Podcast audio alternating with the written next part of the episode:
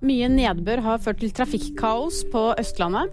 Bombedømt russisk statsborger er stoppet på grensen inn til Norge, og uvanlig nisseaktivitet har preget bybildet i Drammen lørdag. Store snømengder har skapt trøbbel i trafikken på Østlandet i dag. Operasjonsleder Terje Marstad sier til VG at det har vært mange trafikkuhell lørdag, men få personskader. Han sier videre at det viktigste bilister kan gjøre, er å tilpasse farten til forholdene.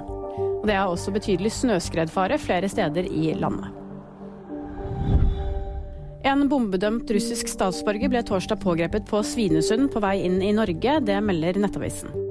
Nettavisen skriver at mannen i 2018 ble dømt til ti måneder betinget fengsel for å ha laget en hjemmelaget eksplosiv innretning tilbake i 2017. Mannen ble utvist fra Norge til Russland da PST mente at han hadde planer om å begå terrorhandlinger.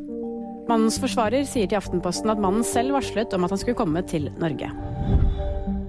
Og i Drammen var det nok flere som sperret opp øynene da en gjeng julenisser kom løpende gjennom sentrum lørdag ettermiddag.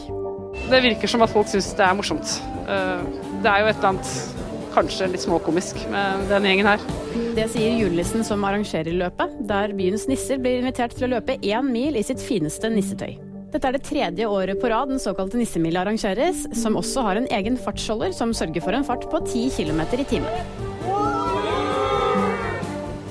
Og VG-nyheter fikk du av meg, Kristina Kinne.